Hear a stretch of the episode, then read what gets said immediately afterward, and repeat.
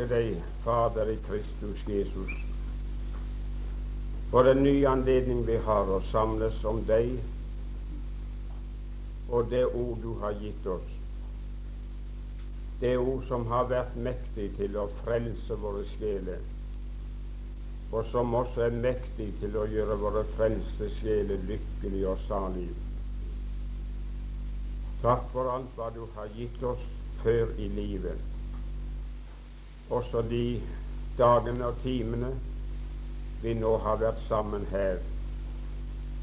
Vi er like tom og like fattig og like avhengig av deg nå som før.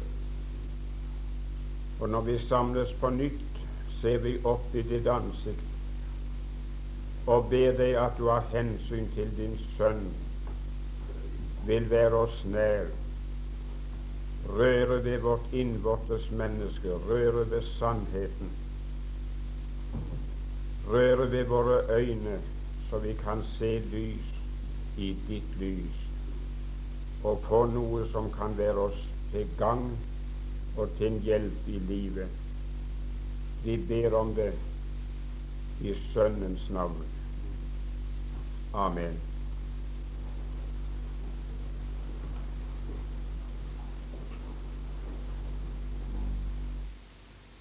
I denne timen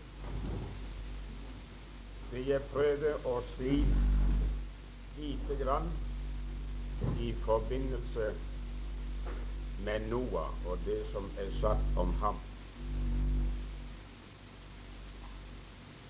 Vi skal lese i alle fall noen få vers.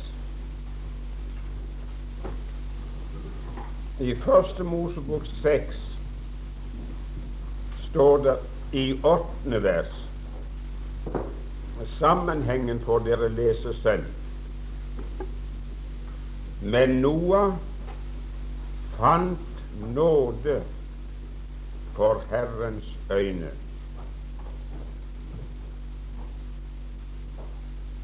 Og så sies det ifra vers 14 at Herren sa til ham Gjør deg en art av godfortre.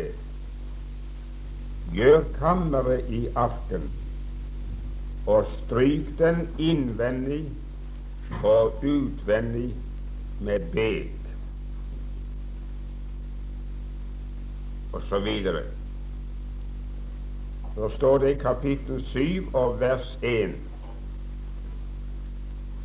Så sa Herren til Noah, gå inn i arken, du og hele ditt hus. I en engelsk oversettelse står det litt annerledes. Det står ikke som en ordre, men som en innbydelse. Det heter ikke der 'gå inn i arken', men 'kom inn i arken'. Det forutsetter at Herren selv var der inne. Og så ba han Noah og hans familie å komme inn der hvor han selv var. I slutten av 16. vers i kapittel 7 der står det at da han var gått inn, så lukket Herren døren etter ham. Og i fjerde vers i kapittel 8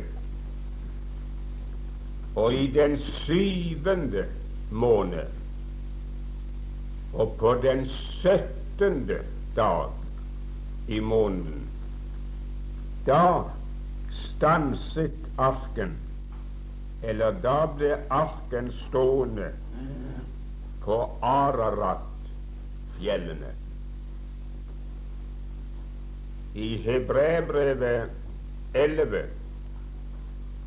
der sies det i syvende vers at vi tro bygget Noah varslet av Gud om det som skulle komme, og som ennå ikke var sett, i en ark til frelse for sitt hus.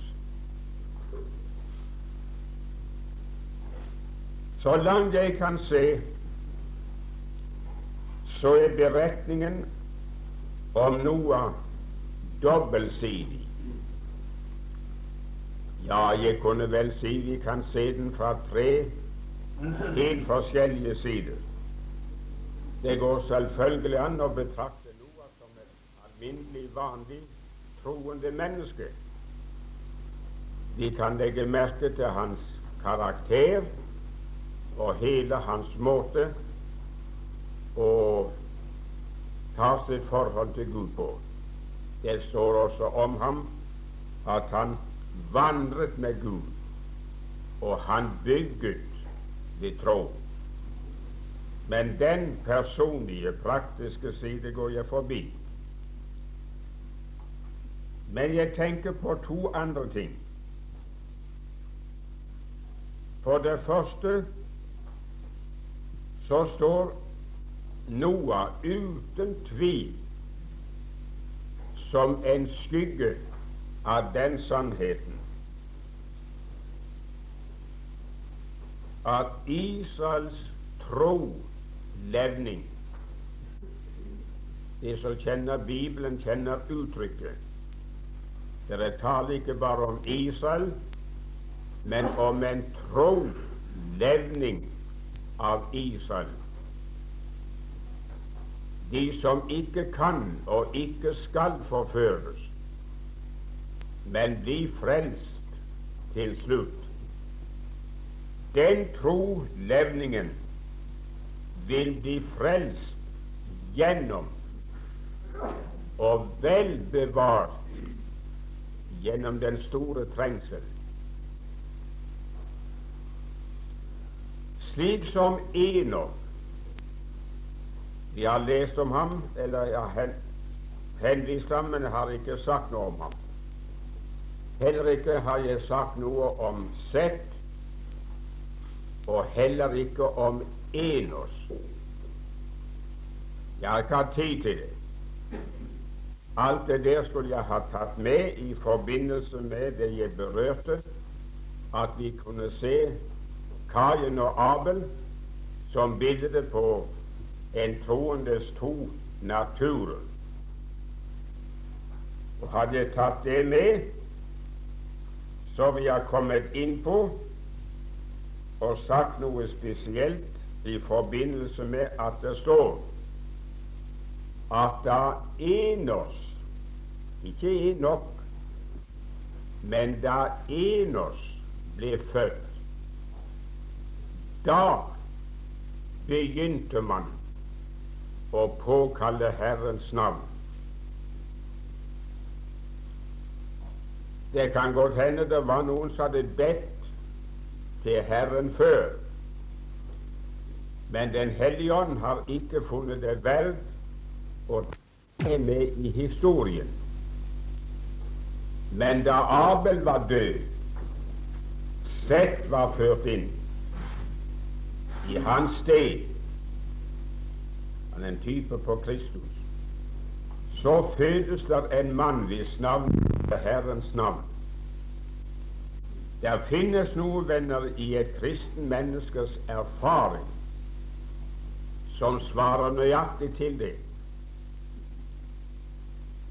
Abel Nei, jeg måtte begynne på det der, for så går timen ifra meg.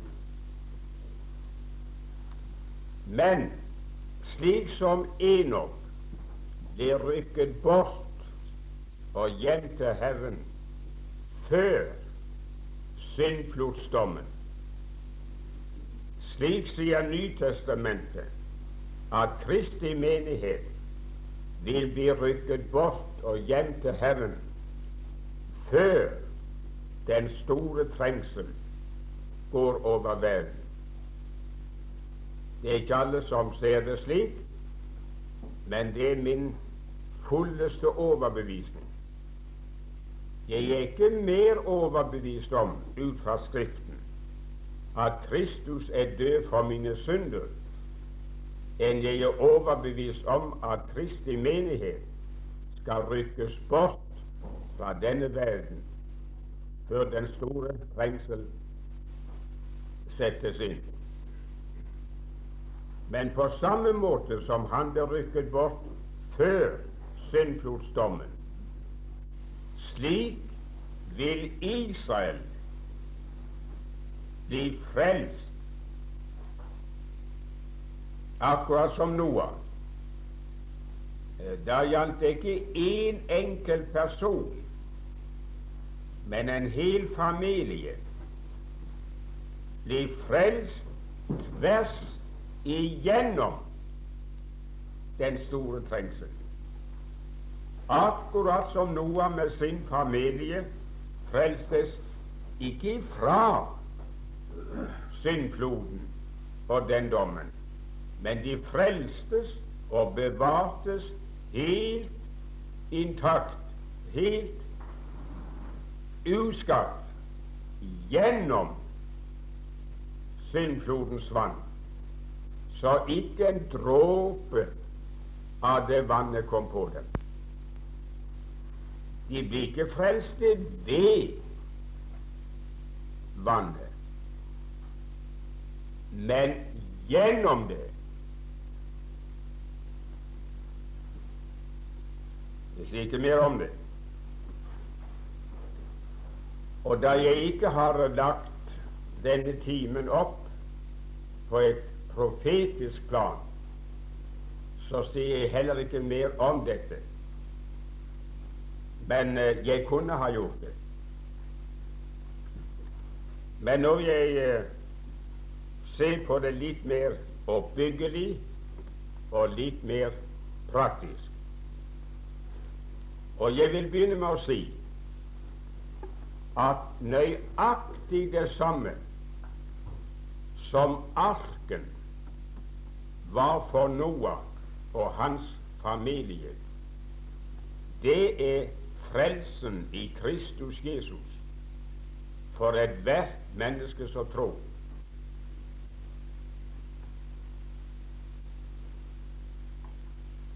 Den gangen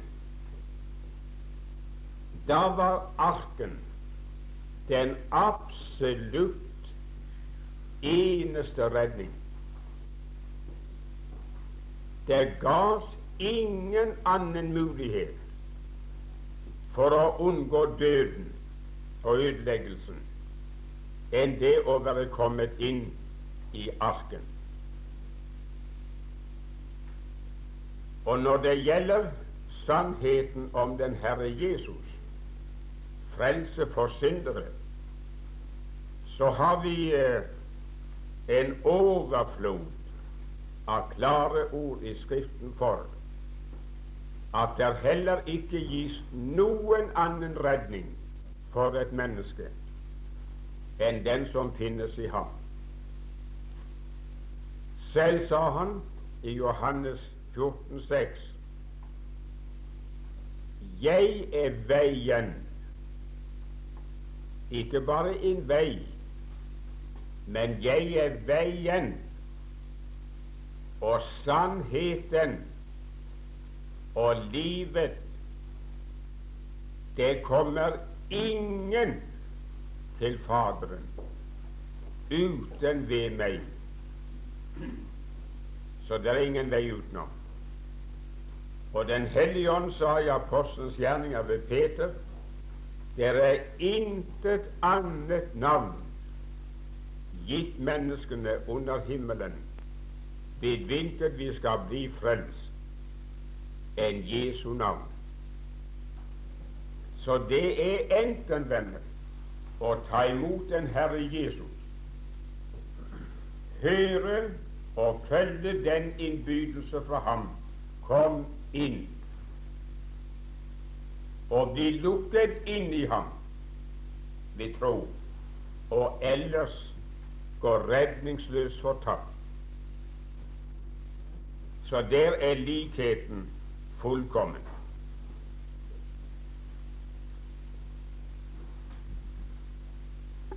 Men det er ikke bare så at det ikke gis noen annen redning.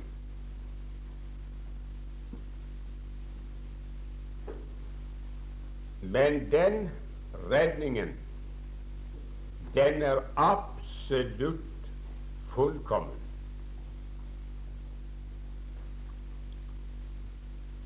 Jeg tror jeg vil få lese for dere fra Salme 42, det syvende og åttende vers. Nå tenker jeg altså på den Herre Jesus, og det Han er blitt til frelse for deg og meg. Der sier, står det Min Gud, min sjel er nedbøyd i meg. Derfor kommer jeg deg i hu fra Jordans land og Hermons høyder, fra det lille fjell. Vanndyp kaller på vanndyp ved duren av dine fossefall.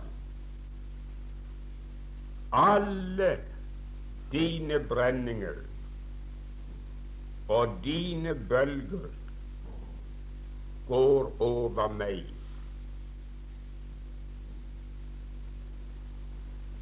Den av de uh, timene, særlig de tre siste av de seks, som Kristus hang på Golgata, da gikk alle dommens og alle vredens bølger og brenninger over ham. Akkurat som Noas vann slo imot arken og fuktet den, slik slo dommens og vredens bølger mot den Herre Jesus og rullet hen over ham. Og jeg ville så gjerne få lagt en tykk strek under det ene ordet her alle. Alle dine brenninger og alle dine bølger, de gikk over meg. Og hvis det var alle venner, så var det ingen igjen som ikke gikk over ham. Det fantes intet av vrede, intet av dom, intet av straff som han ikke smakte. Det var ikke flere. Og der er heller ikke flere. Og er det ikke flere fordi de gikk over ham, så er det heller ingen vredens bølge som har kursen imot meg, og som noensinne skal gå over meg. De har passert meg i min stedfortreder. Og så sitter jeg, for å si det så platt, så sitter jeg inne i ham, i min frelses arv, vel vitende at ingen brenninger og ingen bølger mer kan gå over meg. Som han er ferdig med synd, dom straff og død, så er jeg ferdig med.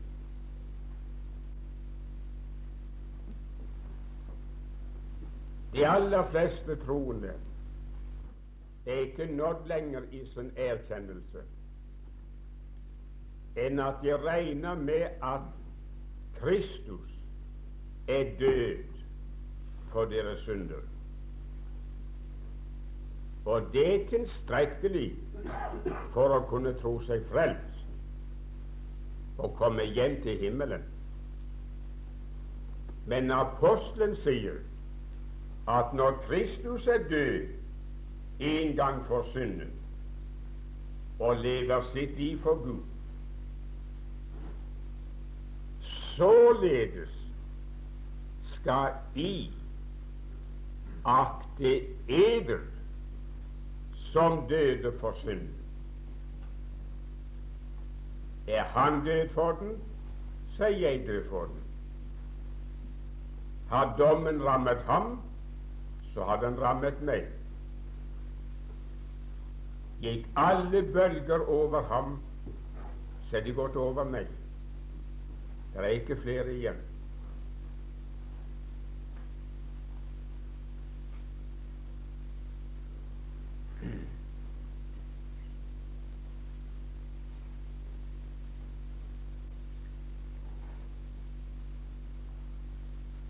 uten å forfølge den tanken videre, så vil jeg bare få understreke Kanskje jeg skal si det så at Noas stilling i arken illustrerer et frelst menneskes stilling slik som den er i Kristus Jesus. Altså Noas stilling i arken illustrerer en troende stilling slik som den er i Kristus Jesus. Om den kunne være uendelig meget å si, men jeg rekker det ikke. Det er sagt mange ting i forbindelse med arken og forbindelse med Noah som uh, jeg ikke kan ta med. Men uh, det er en ting som jeg spesielt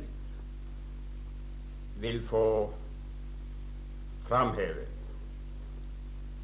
Og det er med hensyn til Noas trygghet.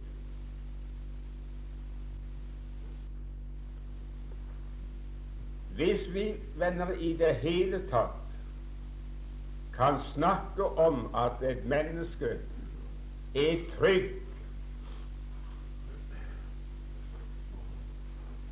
og kan slå seg til ro og ha fred,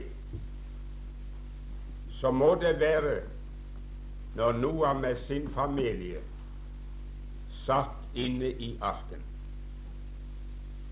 Det er en absolutt absolutt fullkommen trygghet. Og det er for det første trygghet med hensyn til dommen.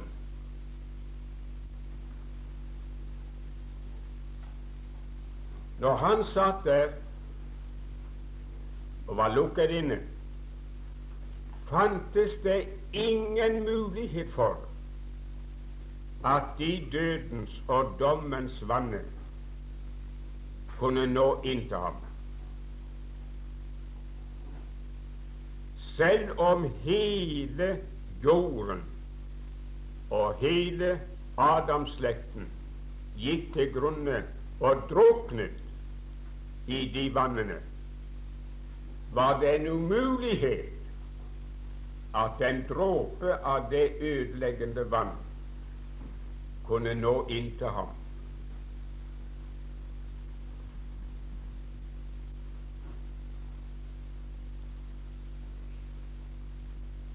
Det er så forferdelig vanskelig å behandle slike ting som dette og kunne begrense seg i farten. Skjære vekk og ta inn og sette noe i plassen. Så jeg jeg er klar over at det blir nokså springende, det jeg sier. Men nå presser det på meg å skyte inn her og si Det er så mange troende som ser det slik Og det er ganske riktig. Gå ikke hjem og si at jeg har sagt at det er galt. Det er helt riktig. De ser det slik at hvis jeg bare var kommet til himmelen Hvis jeg døde nå, døde frelst, og så slo mine øyne opp igjen hos den Herre Jesus, så jeg var i himmelen, så var jeg trygg. Så var jeg trygg. Så ble ingen dom og ingen død og forbannelse kunne normen ned. Ja, men, men det er riktig, det. Men det er bare halve sannheten. Det er ikke hele sannheten. Jeg kommer vel til å sitere det senere, men la oss ta det allerede her. Altså Noah var brakt inn i arken, døren slått igjen. hos det. Så står det Romerbrevet 8 og første vers Så er det da nå ingen fordømmelse for den som er i Kristus Jesus. Ikke sånn uh, på siden av ham, men for den som er i Kristus Jesus. Og professor Odland han oversetter det slik så er det da nå av ingen som helst årsak noen fordømmelse for den som er i Kristus. Faktum er, mine venner, at hvis du er et menneske i Kristus, så er du like frelst og like trygg som om du i din egen person allerede satt i himmelen. Du tror det er tryggere for deg å være i himmelen enn å være i Kristus. Nei, nei, men venn. Kristus selv, han er bedre enn himmelen. Hva er himmelen uten ham? Og er jeg i ham, så er døren lukket igjen. Jeg er frelst. Og ingen dommens vann, ingen vredens bølge er igjen som kan ramme meg. Du husker det står i Isaias 53, det er muligens du har oversikt det uttrykket, at straffen lå på ham for at vi skulle ha fred. Men det har du kanskje oppfattet som om det bare sto straff lå på ham. Nei Jo, det lå straff på ham, men det er ikke helt sånn. Men straffen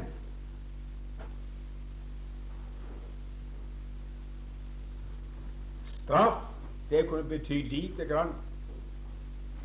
Mer eller mindre. Men straffen innbefatter alt som kommer inn under begrepet straff for synd. Straffen ble lagt på ham for at ja, hvorfor ble det gjort? For at vi skulle ha et svart håp om å bli fri. Nei, godt folk. Straffen, den lå på ham for at vi skulle ha fred. Så det straffespørsmålet lagt bak. Det er avgjort og settlet en gang for ever i Kristus Jesus.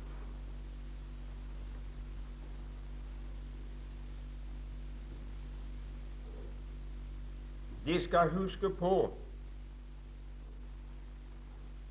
at den asken den var forsvarlig bygd. Den var bygd etter Guds egen konstruksjon.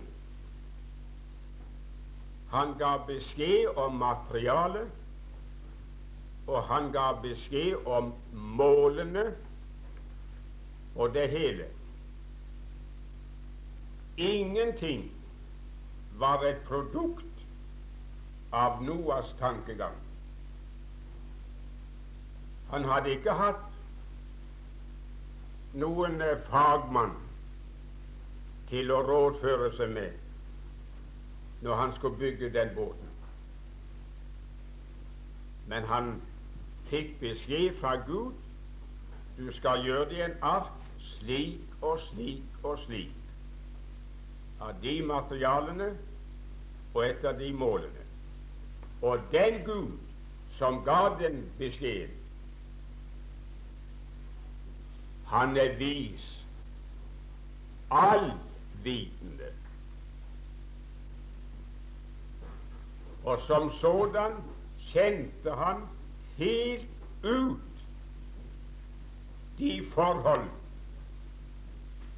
de dimensjonene de forholdene med hensyn til mål som kreves for sjødyktighet når det gjaldt en båt. Og selv eh, skipsbyggere,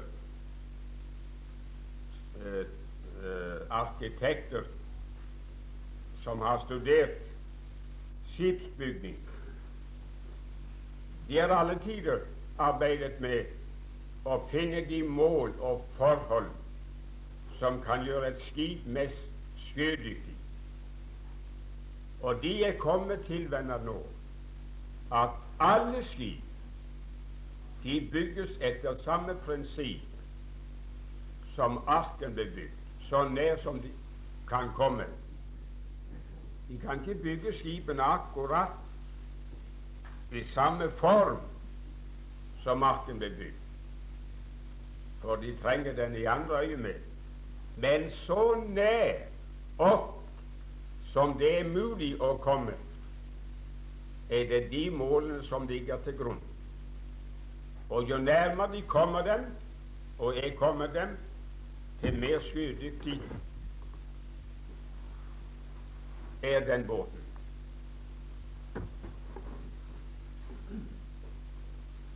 Og så uh, står det i det 14. vers, jeg leste det, at når den var bygd slik som Gud foreskrev, så skal du stryke den over innvendig og utvendig med bed. En av de første tanker i Bibelen, en av de første skygger, eh, første skygger av det som skjedde på Golgata ved kristelig blod når det ble dekket over. Og jeg ville gjerne du skulle merke deg at den var strøket over innvendig og utvendig. Det samme man så utenfra når man så på arken.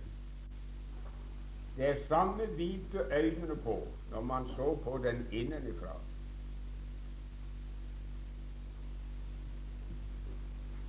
når enten Gud ser, eller jeg ser på det som har med min frelse å gjøre, så ser vi akkurat det samme. Og når mine øyne hviler på det Gud ser, på forsoningens blod, så vi jeg trygge.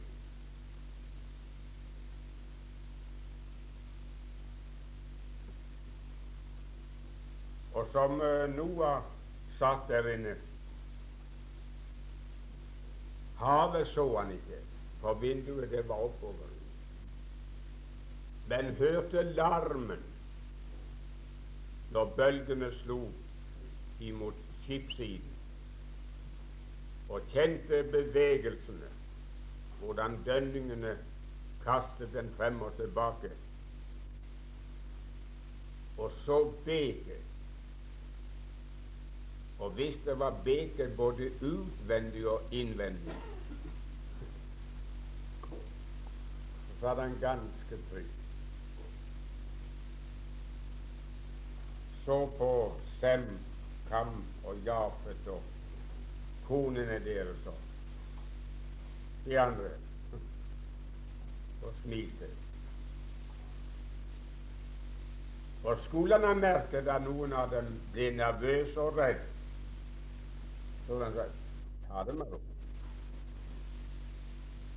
Beket holder, båten holder. Det kommer intet vann inn her.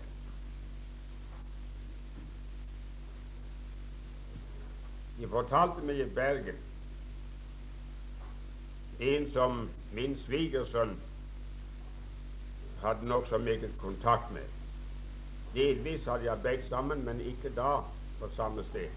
Det var under krigen, da når, når uh, vestmaktene forsøkte å sprenge den svære tyske ubåthavnen i Laksevåg. Så var jeg i Bergen den natten, tilfeldigvis, da det fryktelige angrepet satt inn. Man skulle nesten trodd det var dommedag. Det var mer forferdelig i min villeste fantasi kunne ha tenkt meg. Så var det en av de som hadde arbeidet borte på den ubåtstasjonen, som satt sammen med de andre arbeiderne nede i rommet.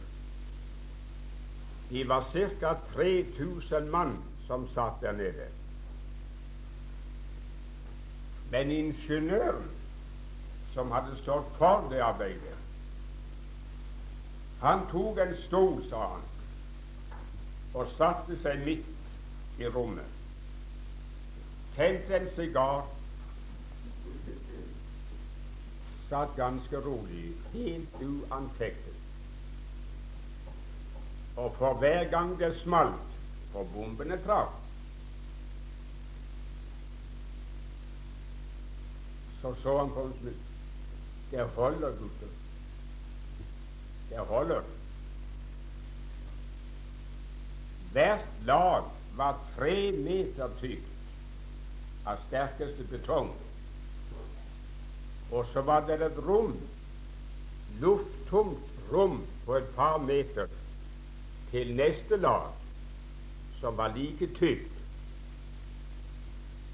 Og det viser seg at 500 kilos bomber, hvor de hadde lenket tre bomber sammen. Så 1500 kilo eksploderte på samme flekken. Slo bare en liten grop i det øverste laget. Det kjente han til. Og så satt han der og så på dem. Det holder, gutter. Og når vi så hans trygghet og ro, så var det slutt iallfall med min nervøsitet. Men når sådan satt Noah inne i arken og visste den skuten holder, her kommer intet vann inn og tryggere enn han satt der, er ethvert menneske som er lukket inn i Kristus Jesus.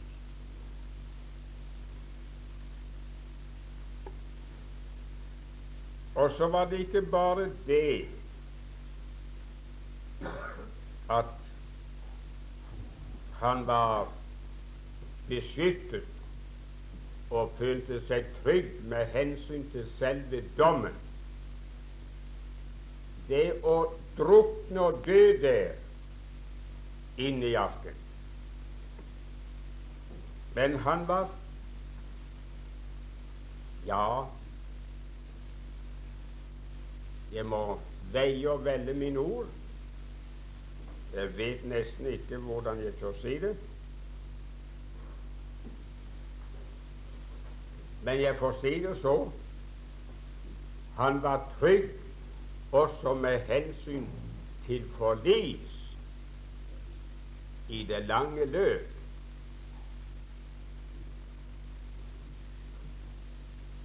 Jeg nevnte i sted at arken var bygd etter Guds anvisning. Og han skulle vite hvordan et skip måtte bygges for at det skulle være skøydyktig.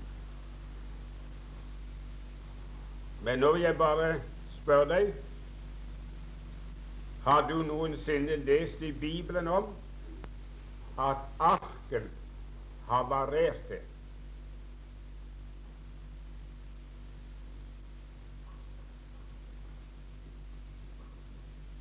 Har du lest noe om at den ble slept i dokk og måtte reparere? Har du lest om at den sprang lekk?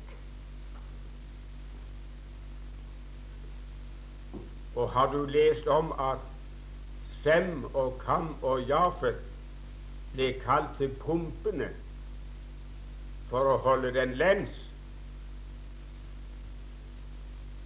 Nei, godt folk. Den var sponstett, og den holdt ut hele året igjennom og trengte ingen assistanse, ingen reparasjon. Det var ikke mulighet for noe forlis.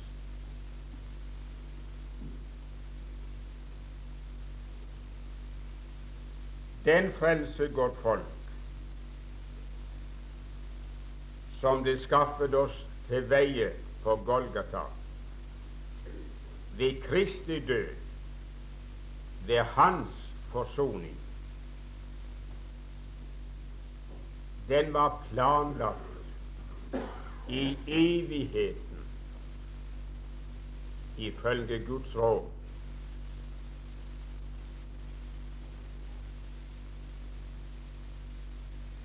Og nå har det frelsesskipet, den arken, seilt under alle himmelstrøk, under alle stormer og alle sykloner i snart 2000 år, og den er like het.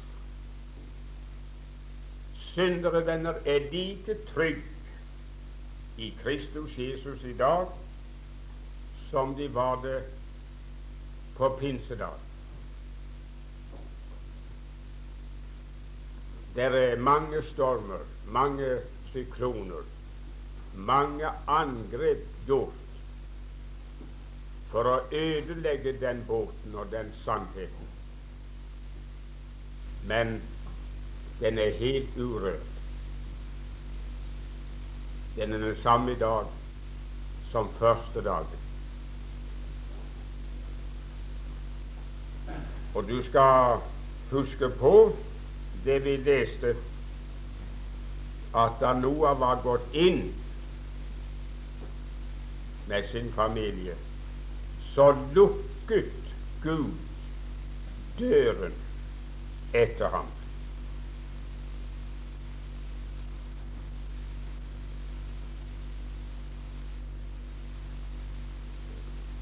Du har lest om i testamentet ditt at Herren sier når jeg lukker til,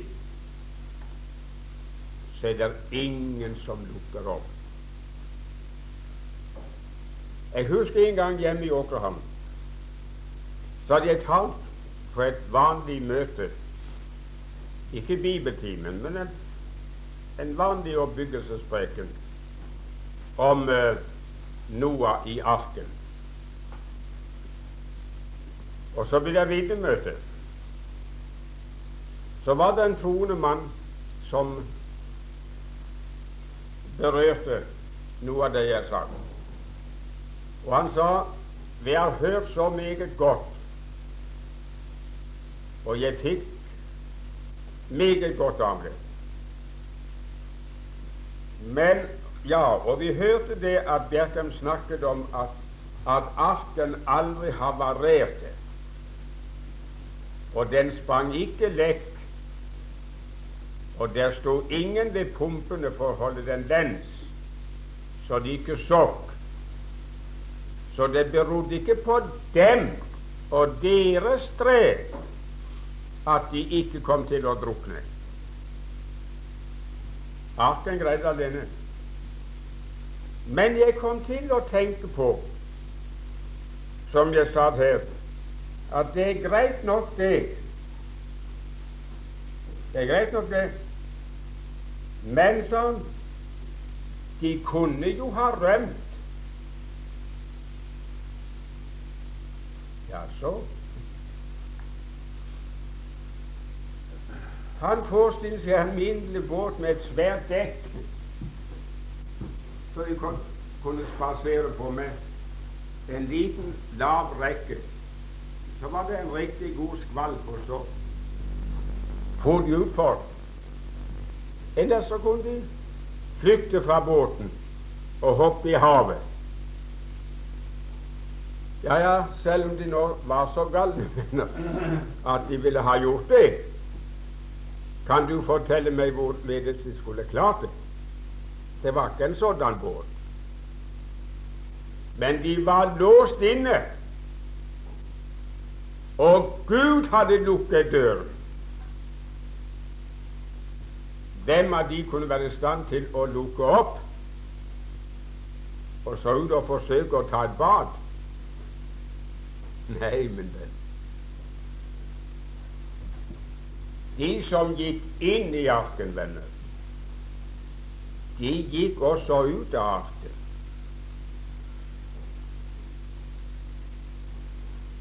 Vi leser ikke om noe dødsfall i den tiden den båten seilte. De kom fullt levende og sunne ut, slik som de gikk inn. Det var absolutt trygghet. Ja, nå får dere gjøre så dere vil. Det raker ikke meg. Men venner, sådan tror jeg for mitt vedkommende på den frelse Gud har gitt meg i Kristus. Den er fullt tilstrekkelig. Det holder. Så jeg slutte med å nevne Men der skulle jeg vel helst ha brukt tiden. Men uh, da kan ikke det gå.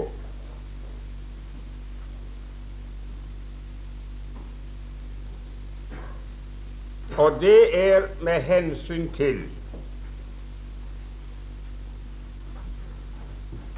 at arken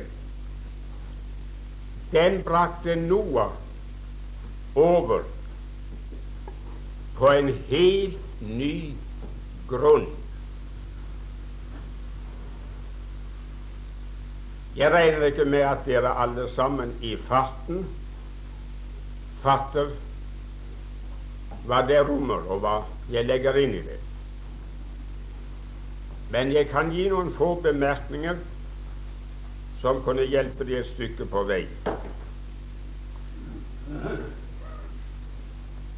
Vi leste i uh, kapittel 8 og vers 4 at når vannet hadde stått over jorden så og så lenge, så stanset arken på Ararat fjellene, eller fjellet. Før jeg bemerker det mer, skal vi høre hva det står i 2. Peters brev, og der i vers i vers 5-6.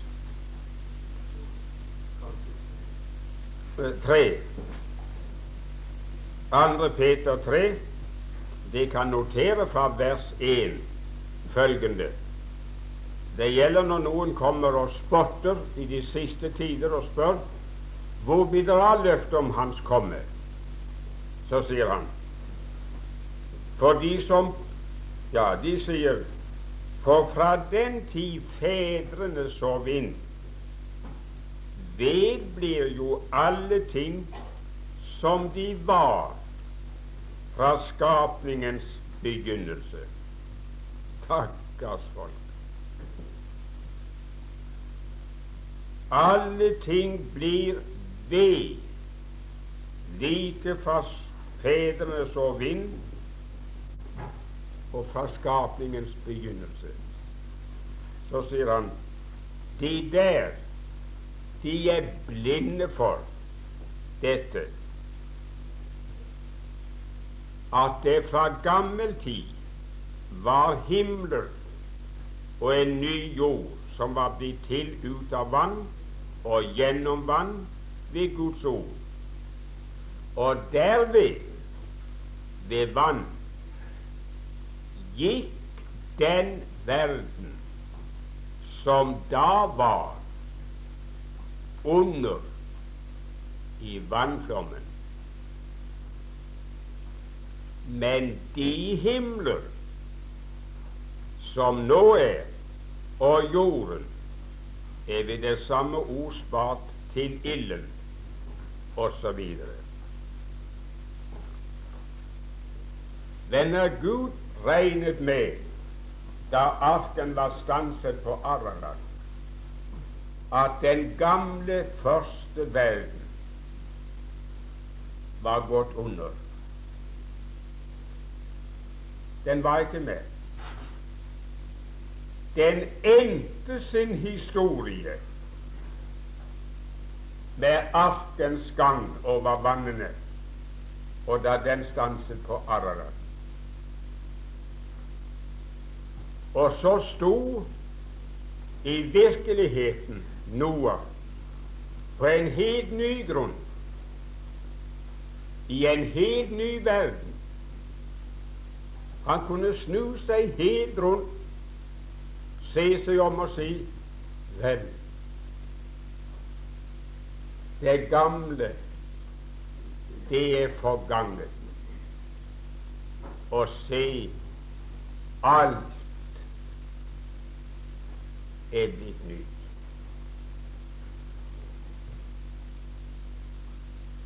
Han var samme Noah som han alltid hadde vært. Han var ikke blitt annerledes og ny den samme gamle falne natur var i ham da som før. For det var ikke lenge etter så drakk han seg full. Men den frelste Noah,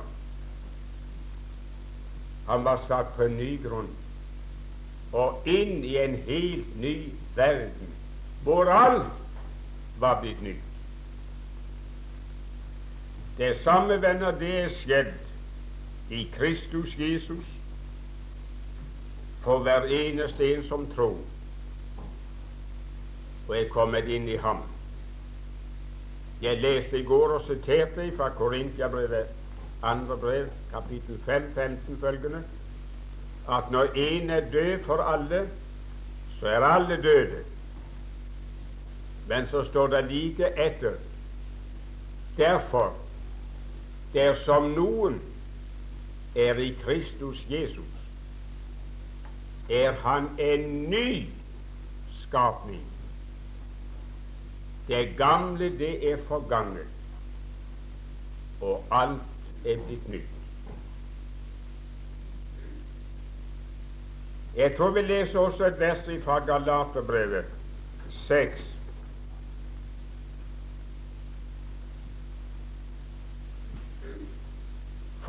Fra vers 15. Ja, fra vers 14. Men det være langt fra meg å rose meg uten av vår Herre Jesu Kristi Kors, ved hvilket For ved det, for ved det er verden blitt korsfestet for meg, og jeg for verden. For verken omskjærelse eller forhud er noe, men bare en ny skapning. Og så mange som går frem etter denne rettesnor. Hvilken? Den at bare en nyskapning er noe. Den som går frem etter denne rettesnor, fred og miskunn være over dem og over Guds Israel.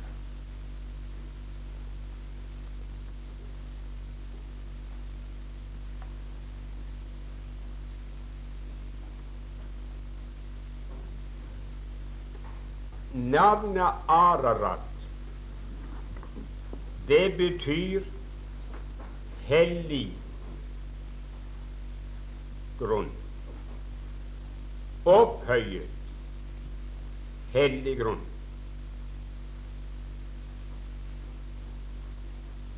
Så når han satte sine føtter på det fjellet, så sto han på en ny hellig og opphøyet grunn i et helt nytt forhold til Herren og til den verden som var, og som gikk under. Og la meg slutte med å si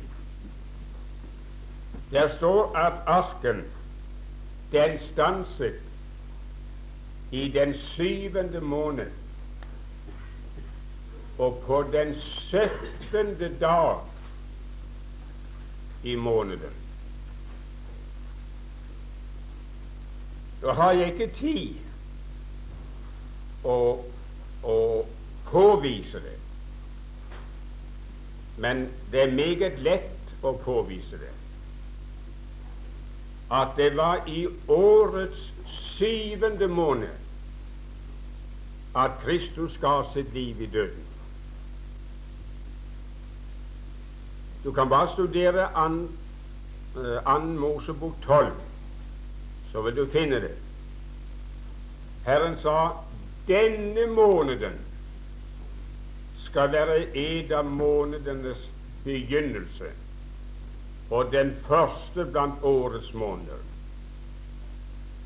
Og på den tiende dag i denne måned skal det ta dere et lam, et lam for hvert hus og så skal de slakte det og anvende blodet slik og slik. Men dere skal slakte det på den fjortende dag mellom de to aftenstunder. Ja vel, på samme dagen i påskehøytiden ble den Herre Jesus korsfestet og ga sitt liv og lagt i graven. Hvor lenge lå han der? Han sto opp på den tredje dag. Så kan du telle fra 14 og tre dager frem, og så kommer du, du til den 17. dag i måneden. Det var gått seks måneder av året før, men nå gjorde Gud den han vel, de trekker vi fra. Nå skal dette være månedenes begynnelse og den første av årets måneder. Det var måneden Nisan. Og så stanset asken, eller rettere, la meg snu om Kristus Jesus sto opp fra de døde nøyaktig på samme dag i måneden som asken, som hadde vært et bilde på ham, stanset på Ararat. Det styrker min tro på Bibelen.